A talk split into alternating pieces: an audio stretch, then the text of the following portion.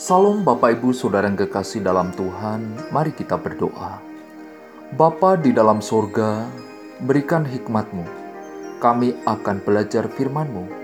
Di dalam nama Yesus, amin. Tema renungan hari ini, hukum yang utama. Matius pasal 7 ayat 12 berkata, Segala sesuatu yang kamu kehendaki supaya orang perbuat kepadamu, perbuatlah demikian juga kepada mereka. Itulah isi seluruh hukum Taurat dan kitab para nabi. Arti kata hukum adalah peraturan atau adat yang secara resmi dianggap mengikat, yang dikukuhkan oleh penguasa atau pemerintah. Undang-undang, peraturan, patokan, ketentuan, keputusan pertimbangan yang ditetapkan oleh hakim dalam pengadilan Sedangkan kata utama adalah terbaik. Nomor satu, amat baik, lebih baik dari yang lain, terpenting. Lakukanlah kepada orang-orang lain hal-hal yang engkau sendiri inginkan orang lain tersebut melakukannya terhadap dirimu.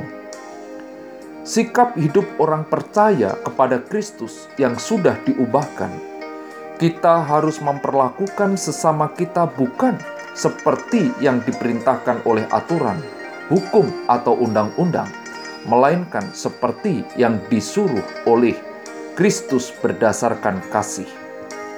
Yesus memerintahkan segala sesuatu yang kamu kehendaki, supaya orang perbuat kepadamu, perbuatlah demikian juga kepada mereka. Itulah isi seluruh hukum Taurat dan kitab para nabi Siapa orang yang bisa melakukan hukum yang utama?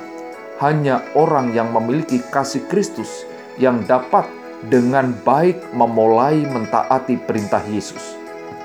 Hanya orang yang demikian yang mempunyai kemauan untuk berusaha menolong sebagaimana ia ditolong, memuji sebagaimana ia ingin dipuji, memahami orang lain sebagaimana ia sendiri ingin dipahami Orang yang demikian itu tidak pernah berusaha menghindarkan diri dari berbuat sesuatu. Orang-orang seperti inilah akan selalu berusaha berbuat sesuatu. Sikap hidup yang mengalami kasih Kristus ada kerinduan terus berbagi kasih Kristus yang dinyatakan dengan sikap hidup yang memberi diri bagi orang lain yang akan menguasai hidupnya, baik di rumah, di kantor, di dalam kendaraan umum, di jalan raya, bahkan di mana saja. Untuk dapat melakukan segala sesuatu yang kamu kehendaki supaya orang perbuat kepadamu, perbuatlah demikian juga kepada mereka. Itulah isi seluruh hukum Taurat dan kitab para nabi. Dengan demikian, kita harus menjadi orang yang sama sekali baru. Kita harus menjadi ciptaan yang baru hidup baru dengan pusat hidup yang baru, hidup yang terus berpusat pada Kristus. Orang yang memiliki kasih Kristus itu akan selalu kekurangan waktu untuk dirinya sendiri. Orang yang memiliki kasih Kristus akan makin kekurangan waktu untuk kesenangan dan kegiatan sendiri. Sebab setiap kali orang-orang memiliki kasih Kristus, bersedia meninggalkannya untuk menolong orang lain. Bagaimana dengan kehidupan saudara untuk melakukan sesuatu bagi orang lain?